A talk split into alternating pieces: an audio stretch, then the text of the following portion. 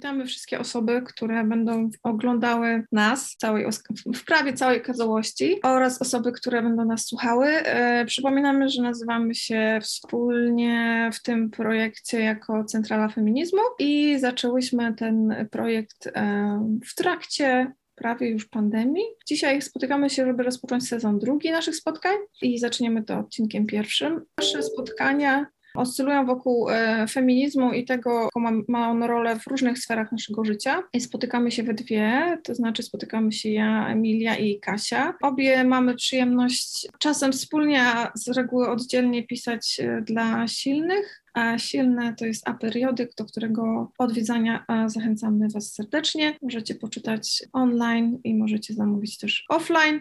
E, obecne też są egzemplarze w różnych bibliotekach. Kasia jest, e, jest moją, e, moją ulubioną Kasią, którą poznałam z, kiedy wspólnie pracowałyśmy w jednym, z, w jednym ze stowarzyszeń i tak nam trochę zostało. Kasia jest w tym momencie w innym miejscu niż ja. Jesteśmy z różnych bajek. Kasia Jest bardzo, e, jak zresztą widzicie, poważną panią, e, która pracuje, spełnia wszystkie role społeczne. Żarciki, żarcik żarcikami i posiada bardzo dużą wiedzę, jeśli chodzi o mózg. Tak, no dziękuję bardzo za to wprowadzenie. E, to faktycznie te role społeczne tu pojechałaś.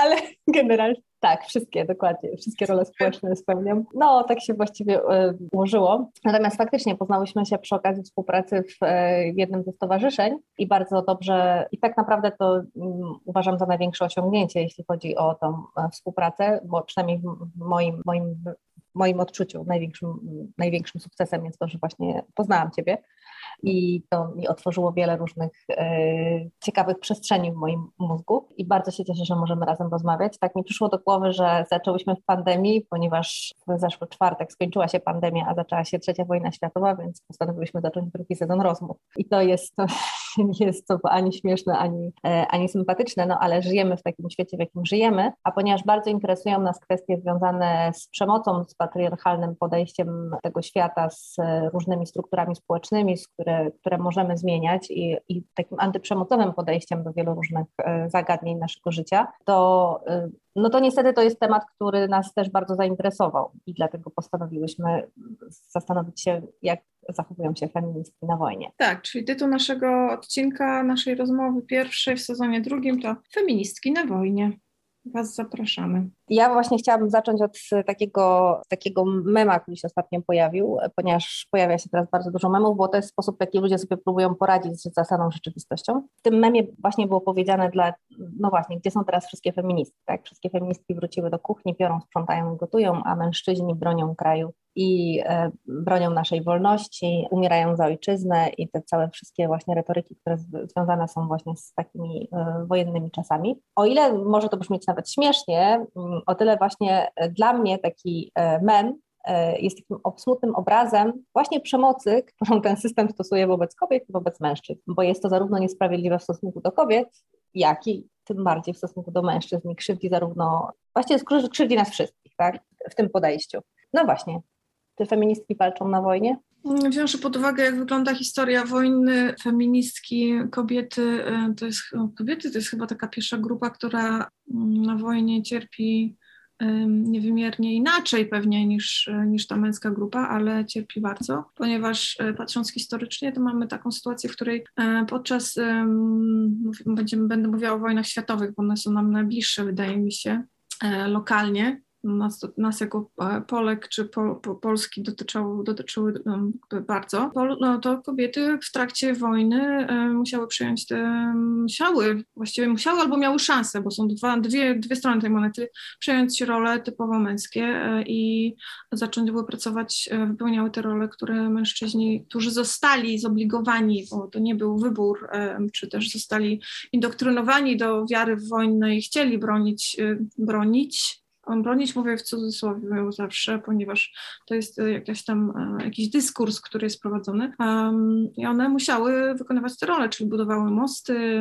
pracowały w fabrykach, um, szyły, prały i właściwie w wyniku tych wojen um, kobiety zaczęły też domagać się pewnych praw do wykonywania na przykład zawodu i otrzymywania za to płacy. Więc feministki walczą w tej sferze, a jeśli chodzi o kobiety, kobiety jeszcze ma, jest taka druga sfera, że kobiety jako pozostawione mm, przez, przez mężczyzn, którzy są zmuszeni do walczenia na przykład na froncie, no to walczą w taki sposób, że próbują przetrwać i są, jakby są traktowane bardzo przemocowo i Najczęściej na ich barkach leży utrzymanie całej, całego rodziny, bezpieczeństwa dzieci, e, starszych osób e, i tak. No i tak jak rozmawiałyśmy przy naszej pierwszej rozmowie, co jest dosyć e, znaczące.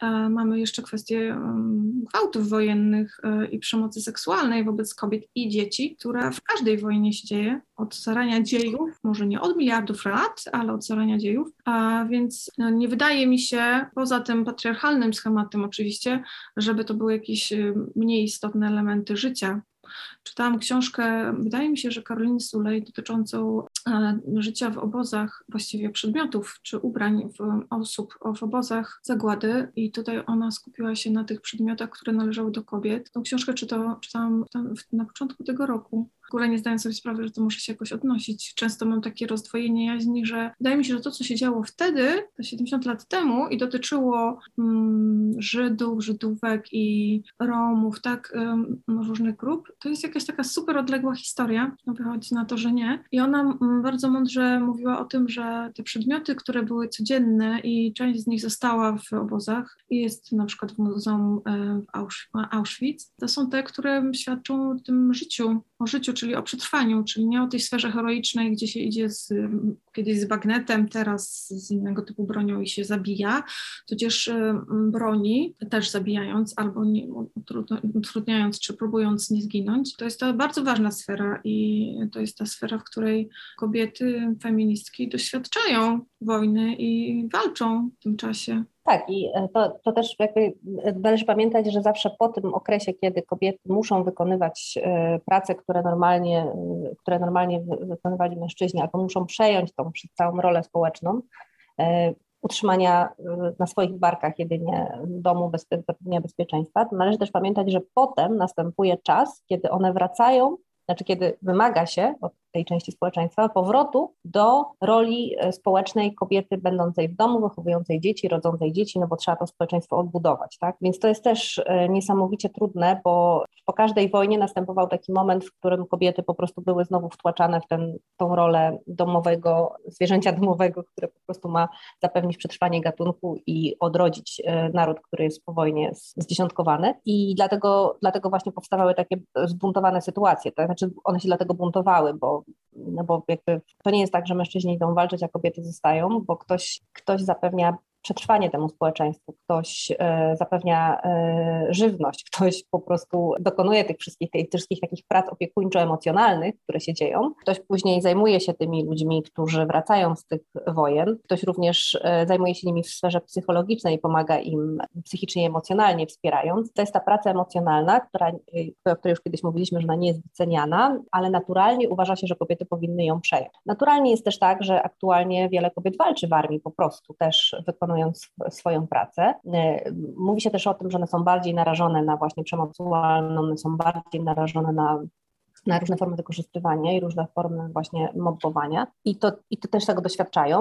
Mają w tej chwili prawo e, mają w tej chwili prawo zadecydować, więc wiele z kobiet decyduje się faktycznie na walkę i, e, i wiele kobiet walczy wręcz ale też na, nie zapominajmy o tym, że wielu mężczyzn wcale nie chce iść e, na front i wcale nie ma na to ochoty i, e, i ma olbrzymi strach i przeżywa olbrzymią traumę przed tą, w związku z tą sytuacją. I dlatego mówimy właśnie, że takie podejście, że męż, e, znaczy takie wpajanie nam po prostu pewnego wzorca, pewnego schematu ma na celu, ma na celu po prostu lepszą nad nami kontrolę, tak? Bo musimy pamiętać, że też całość wojen czy konfliktów, które się dzieją, wywoływane są już nie wchodząc w sferę polityczną żadnego. Te konflikty wywoływane są przez ludzi, którzy, którzy rządzą, przywódców ze różnych względów politycznych, ekonomicznych, społecznych. Bardzo różne względy temu powodują, ale te konflikty są wywoływane. Natomiast cenę za te konflikty płaci społeczeństwo, płacą zwykli ludzie, bo to oni muszą żyć właśnie w tym, w tej nowej, w tym nowym świecie. Mnie sytuacje, tak jak na przykład aktualna sytuacja na Ukrainie, pokazuje, jak bardzo jako społeczeństwo polskie jesteśmy straumatyzowani jak bardzo jesteśmy, jak bardzo jesteśmy, jak bardzo głęboko tkwi w nas trauma z poprzednich czasów, jak łatwo nas tak naprawdę tym strachem omamić i kontrolować. No, wraca, jest kilka elementów, które, które, o których wspomniałaś i które są dla mnie mega ważne. Ja chciałabym, żebyśmy pamiętali, czy pamiętały też o tym, że że ci mężczyźni są zmuszeni do, zmuszeni do, do pójścia na wojnę. Mm, oni są kształtowani do takiej roli e, od dziecka, kiedy daje im się do zabawy żołnierzy i pistolety i e, oglądają bajki, w których e, jest bardzo dużo przemocy i jest walka i mówi się, że chłopcy to normalne, że się biją, ale że to jest mm, absolutna przemoc, żeby zmuszać ich do tego, żeby byli Kiedyś się o tym mówiło w, sposób bardzo, w sposób bardzo obrazowy mięsem armatnim, bo w wielu sytuacjach to jest totalnie przegrana, przegrana opcja i, i potem, kiedy taki mężczyzna um, przeżyje, doświadczy tej wojny, w której bierze udział, czasem z własnego wyboru, ponieważ jest żołnierzem zawodowym, a czasem z przymusu, ponieważ był jest zwerbowany i nie zdąży uciec, albo nie chce, nie? bo to też jest wybór, um, czy, czy wybór, względny wybór, ale jest jakiś tam w niektórych miejscach na ziemi.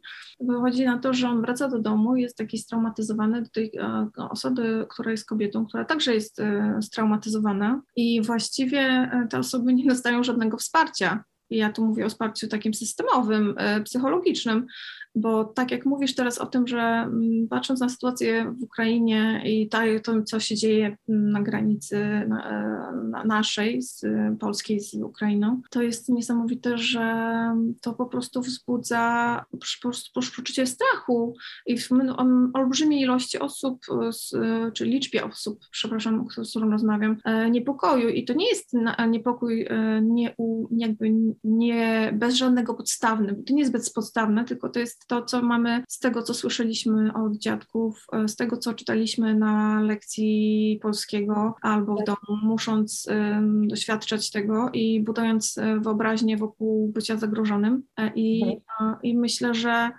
to wspomniałaś. Społeczna trauma, tak. Tak.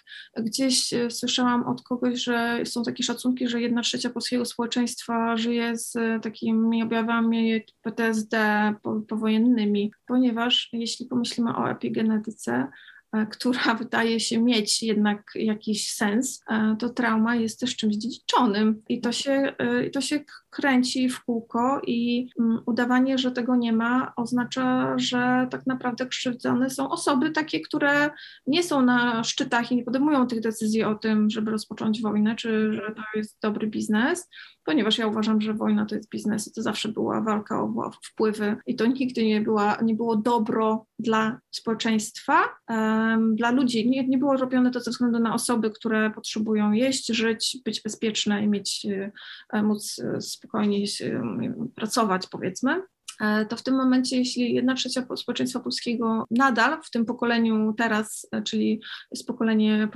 które teoretycznie miało żyć bez traumy, E, mieć szansę doświadczenia spokoju, no to ma, mm, to właśnie nie ma tego spokoju, ponieważ mamy sytuację, w której widzimy, że, że jest zagrożenie bezpośrednie i no, historycznie, edukacyjnie mamy wpojone też poczucie zagrożenia, ponieważ martyrologia polska i poczucie skrzywdzenia przez historię i wojny jest bardzo duże w nas i e, nie mówię tu o tym, czy to jest prawda, czy nie, ale fakt jest taki, że wiele osób czuje, że nam się krzywda działa historycznie, więc teraz w momencie, kiedy obok dzieje się taka sytuacja, wiele osób też odczuwa strach, że to się może powtórzyć i to nie jest nie, nie, całkowicie nienormalne, tylko to jest całkowicie mhm. naturalny sposób zareagowania i jak się zastanawiam, jaki system E, no bo myślę, że nie mamy wsparcia w Polsce dla osób, które są skrzywdzone. E, mówię o, o osobach, które doświadczają przemocy, szczególnie tej seksualnej.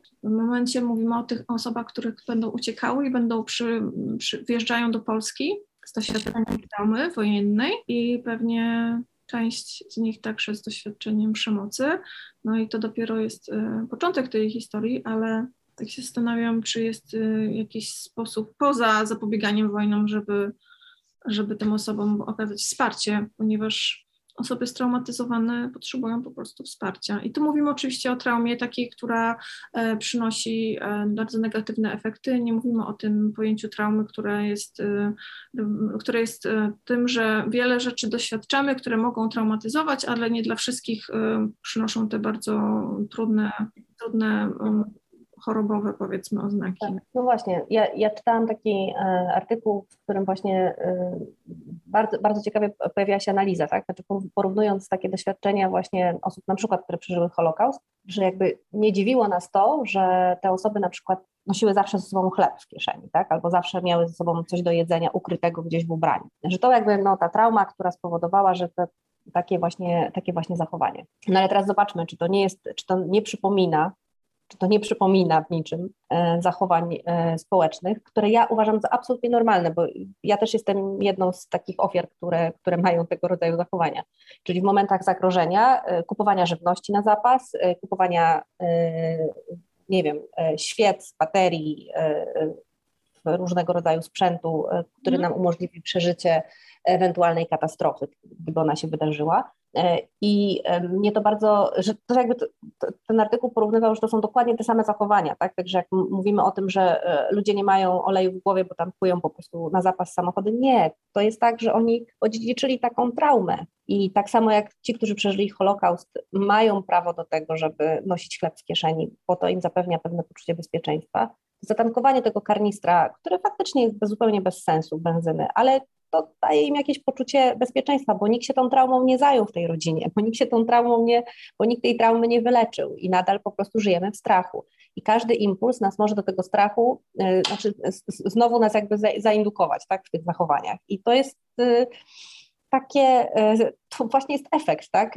Ja na przykład, ja powiem szczerze, ja, ja jestem przerażona własnym zachowaniem, tak? Znaczy tym, że że ja faktycznie myślę o tym, co dodatkowego kupić, czy jak zorganizować swoje zapasy, kiedy pojawiają się informacje o tym, że w kraju, w którym mieszkam, który jest daleko, y, zabraknie prądu, sytuacja na granicy, takie elementy indukują właśnie moje lęki, tak? I ja teraz sobie, ja sobie teraz wyobrażamy, mówimy o, o ludziach, no, żyjemy jakby w, strefie komfortu nadal, tak? No, nadal żyjemy nie w strefie działań wojennych.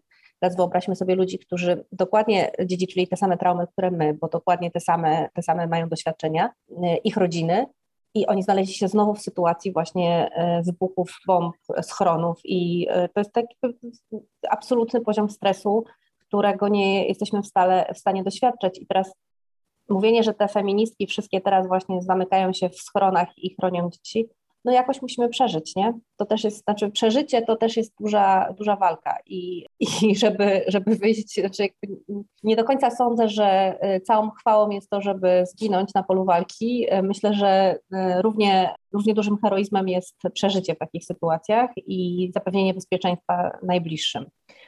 Trochę to jest tak, że so, sorry, no sorry, bo jak patriarchat przez wieki nas indukuje do tego, że dobrze, nie mamy równości, jesteście wy w kuchni, wychowujecie dzieci, my walczymy, zdobywamy pożywienie i tak dalej, i tak ma, tak ma to zostać. Próbujemy coś zmienić. To się zmienia wolno, ale się zmienia. Później nastaje sytuacja wojny. Patriarchalny świat wraca do tego starego ustawienia i mówi: mm, ale wy jeszcze powinnyście, oprócz tego, że żyjecie, to jeszcze ten tą broń i na te barykady, nie? No. Bo generalnie, znaczy to jest takie trochę, to jest takie trochę jak e, sytuacja w sądach w Polsce, tak? Przez lata mówi się o tym, że kobiety są odpowiedzialne za wychowywanie dzieci, a potem, kiedy sąd zasądza właśnie w taki sposób, bez uwzględnienia roli ojca, to wszyscy mają pretensje do kobiet, dlaczego wykorzystują sytuację, dlaczego teraz nie ma feminizmu. No nie ma feminizmu teraz, boście tak stworzyli system, tak, przez lata i teraz e, gratulujemy, właśnie zbieracie owoce tego systemu. Mówiłyśmy przez tyle czasu, że to krzywdzi też was. No to przypatrzcie się teraz bardzo dobrze tej sytuacji. To właśnie krzywdzi. I tak to wygląda. Z drugiej strony też y, statystycznie mniej konfliktów wywołują państwa, bądź państwa uczestniczą tych konfliktach e, państwa, których stosunek, e, parytet władzy pomiędzy kobiety i mężczyzny jest, e, pomiędzy kobiety i mężczyzn jest równy. Statystycznie więcej konfliktów wywołują te państwa, w których u władzy są przywódcy płci męskiej. Przypadek. No i historycznie to... Nie sądzę. Tak, myślę, że nie. Kiedyś e, pamiętam jeszcze chyba w podstawówce kiedy, był, kiedy po, po raz pierwszy miałam kontakt z historią starożytności, były jakieś dowcipy dotyczące tego wojny, którą wywołała jakaś kobieta i że to przez nią.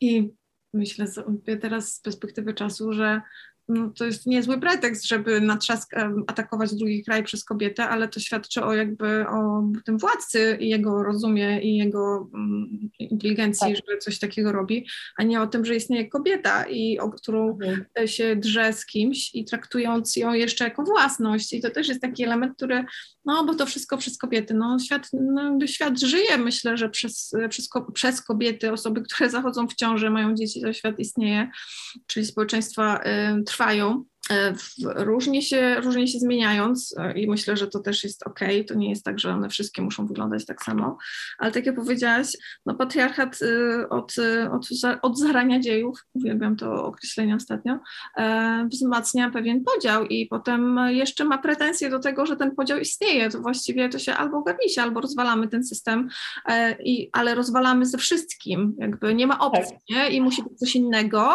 i wtedy tak. się ogarniamy, albo po prostu prostu trwamy w tym, ale wtedy po prostu skoro stworzyliśmy sytuację, w której mhm. mężczyzna, który walczy, idzie na broń, to jest bohater i trzeba mu zrobić pomnik, trzeba mu po prostu chwałę, chwałę i jakiś medal dać, to e, sorry, a kobiety, a to, co się robi w domu, to, co się robi, to, co robi, mhm. bardziej, że większość kobiet, e, jednak przynajmniej w Europie, to są nadal osoby, które też pracują, nie? E, zawodowo przypomnijmy, że to się zmieniło, plus wykonują inne prace i to jest ta praca niewidzialna, czy też i nie, nieopłacalna. Mamy nadzieję, mam nadzieję głęboką, że to będzie się zmieniało i będzie to coraz bardziej zauważane, że e, to też jest wkład w rozwój, e, w rozwój e, tych życia miru domowego i, i gospodarstwa domowego, ponieważ bez posprzątania i ugotowania obiadu i zrobienia zakupów to raczej byśmy nie przeżyli. A 85% zakupów, z tego co kojarzę, w Polsce wykonują osoby, które nie są mężczyznami więc to jest istotne.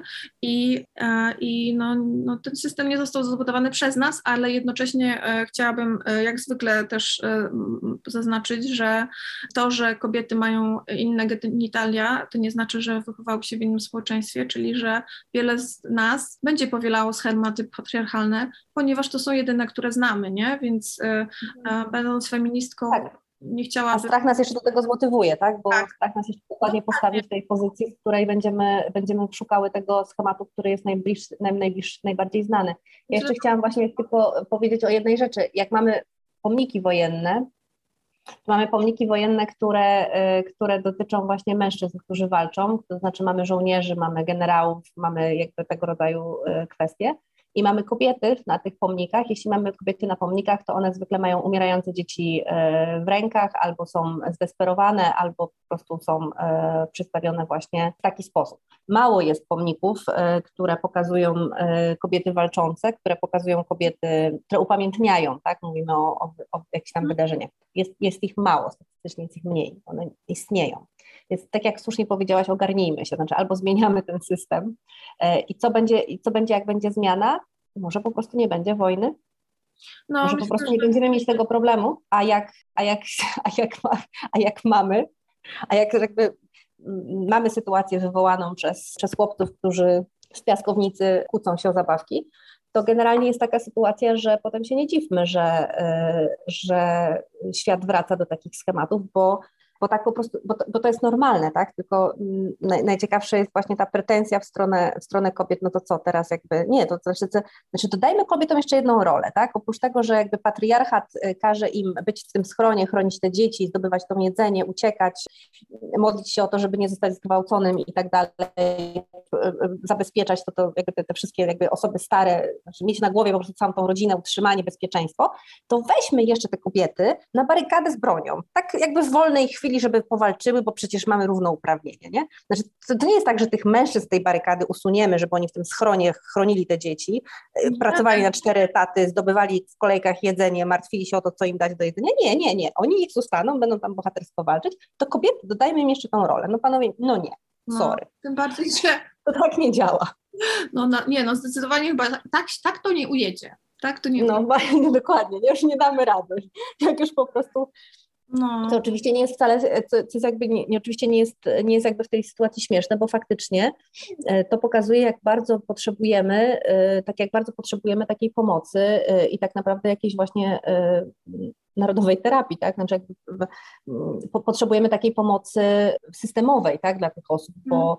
Bo my po prostu jesteśmy ofiarami i to, że sami nie przeżyliśmy do tej pory wojny, no ale z drugiej strony, biorąc pod uwagę słowa wczoraj Gary Kasparowa, które uważam za genialne w wywiadzie, mm. kiedy zapytano go, kiedy nastąpi, kiedy uważa, czy uważa, czy będzie trzecia wojna światowa, bardzo mądrze powiedział, proszę Państwa, ona już się zaczęła. Ja wszyscy jesteśmy, że... wszyscy jesteśmy, jesteśmy wszyscy tym dotknięci. I to nie jest tak, że nie żyjemy w świecie. Pandemia to pokazała, nie żyjemy w świecie, kiedy możemy mieć coś lokalnie, czy możemy mieć jakiś konflikt lokalnie. On nigdy nie jest lokalny. Jesteśmy tak ze sobą powiązani, że zawsze będziemy odnosić skutki tego, co się dzieje w drugim końcu świata. I tak jest. Tak. I nie zapominajmy też o tym, e, że mamy osoby uchodźcze, które teraz przypływają do, do nas z Ukrainy, ale mamy nadal osoby uchodźcze przy, przybywające też od strony Białorusi i, i w lasach i to są też osoby, które e, zasługują na wsparcie i, i uznanie,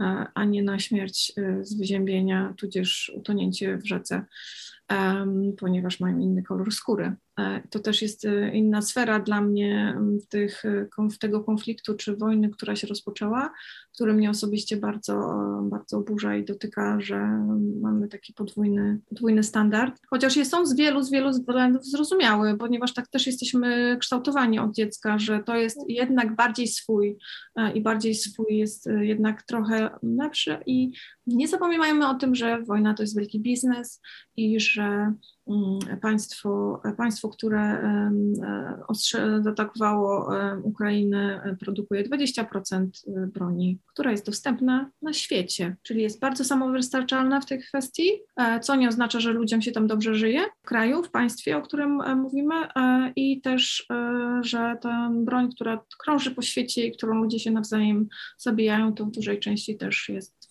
broń stworzona w Rosji, która e, w odróżnieniu do państw europejskich w ostatnich latach wydawała coraz więcej na zbrojenia. I to jest biznes, to jest walka o mhm. władzę i kontrolę, a nie o to, żeby się komuś, komuś się lepiej żyło. Mhm. Mówiąc komuś, mówię oczywiście o tych osobach, których, które po prostu e, to dotyka jako społeczeństwo. No, no właśnie, to jest, y, no to jest właśnie, to jest właśnie ta bolesna, y, bolesna rzeczywistość, która się nie zmieniła tak od czasów starożytnych, że generałowie przedstawiają pionki na stole, y, a tak naprawdę za tymi pionkami stoją ludzie, którzy, którzy cierpią i którzy ponoszą po prostu realne konsekwencje, tak, fizyczne i psychiczne konsekwencje tej sytuacji. Tak jest. I na koniec e... mam głupi żart, tak. Myślę, że będziemy powoli kończyły. Każda, tak. każda, z nas ma też inne rzeczy, e, którymi musimy się zająć, e, ponieważ tak się żyje feministką na świecie. Ostatnio rozmawiałam z inną Kasią, którą serdecznie pozdrawiam, bo być może wysłucha tej rozmowy i będzie mogła się trochę pośmiać, e, ponieważ w tym wszystkim myślę, że śmiech to nadal jest zdrowie. Dużo się pojawia teraz takich wiadomości dotyczących modlitwy i wspierania przez modlitwę osób, osób, osób żyjących w Ukrainie i, i próbujących e, znaleźć bezpieczeństwo. Pojawia się mówienie o tym, że e, przywódca Federacji Rosyjskiej e, pójdzie do piekła i moja, moja przyjaciółka powiedziała do mnie coś takiego, że Emilia, to musimy się bardziej postarać. Ja się nie, nie skumałam w ogóle, z czym ona, z czym ona do mnie idzie. I tak, ale jak, jak to się bardziej postarać? Co, co byś chciała zrobić? Nie wiem, zaczęłam się zastanawiać nad tym, czy chodzi o to, że mamy, nie wiem, iść na jakąś pielgrzymkę albo nie wiem, zacząć chodzić na kolanach do nie wiem, nie byłam w stanie zrozumieć, co może być to lepsze, że ona skwitowała tylko, że no bo ona nie chce spotkać Putina w piekle. Jest, a, nie chcesz go nauczyć widzieć. I tak, e, więc um, czasem jeszcze łapiemy się na mniej lub bardziej tak. poczucie humoru. No to, tak, tak, dokładnie. Czy poczucie humoru nas w tym wszystkim chroni, tak? A z drugiej strony właśnie mnie zawsze, mnie zawsze w każdych, w każdych konfliktach fascynuje y, też tak naprawdę to, jak, y, jak, jakiej szybkiej polaryzacji dokonujemy tak? w, tej, w, tej, w tej całej sytuacji. Y, I też jak wszystkie strony konfliktu zawsze są karmione jakąś tam y, propagandą, tak? bo to jest, to jest jakby no nie, nie jest y, uniknione. Nie, jakby w, w momencie takiej wymiany informacji nie jest to uniknione, że że jesteśmy narażeni na jakąś tam retorykę. E, I, e, I tak naprawdę niewiele wiemy o rzeczywistych źródłach, tak, i rzeczywistych jakichś elementach związanych z tym, dlaczego konflikt się wydarzył. Oczywiście bezwzględnie potępiamy sam fakt, tak, bo, bo mhm. przemo przemoc jest zła, bo ona nie, ona nie rodzi niczego dobrego, tak, ona nie daje żadnych realnych rozwiązań też w tej sytuacji widać, tak, że jakby tu nie ma dobrych rozwiązań, nie ma dobrych e, metod zakończenia takiego konfliktu w momencie, kiedy wystąpiła przemoc. W tym momencie już. I to jest, to jest tragiczne. E, natomiast, natomiast właśnie ciekawe jest to, że szybko dokonujemy polaryzacji tak, w tych wszystkich, e, tych wszystkich elementów. A musimy pamiętać, że obydwie strony strzelają zawsze tak, podczas konfliktu. Konflikt to zawsze dwie strony. Bez względu na to, kto zaczyna, kto, kto kończy i kto co robi w środku, to, to zawsze konflikt ma dwie strony, które musiałyby się dogadać, żeby tego konfliktu nie było. Tak, co jak znając historię, e, nie jest takie proste, ale to też są decyzje podejmowane poza nami. Poza nami. No tak. Właśnie. No, to może to jakimś wyrazem solidarności y, z osobami, y, które próbują przetrwać wojnę i które y, uciekają i które w, w dużych liczbach będą mieszkały w Twojej ojczyźnie, mojej ojczyźnie. Mhm. No, pamiętajmy, że jesteśmy właśnie zdolni przetrwać więcej niż nam się wydaje. I jesteśmy w stanie znieść wiele, może nie wszystko naraz, ale jesteśmy w stanie znieść wiele więcej niż nam się wydaje. I, e, i przyszłość pokazuje, że ludzie e, są w stanie w wielu sytuacjach e, przetrwać i, i żyć. I dbać o swój komfort życia, więc o to dbajmy, o to, żeby o taki komfort psychiczny i o takie zdrowie psychiczne w tej sytuacji, bo to jest bardzo ważny element. Wygląda na długodystansowy maraton, a nie na krótki sprint ta sytuacja, więc ta sytuacja będzie nam potrzebna i e, no właśnie, dziękuję bardzo. I mam nadzieję, że ludzi dobrej woli jest więcej. Mhm. Dziękuję bardzo. Do usłyszenia. Trzymajcie wszyscy. Cześć.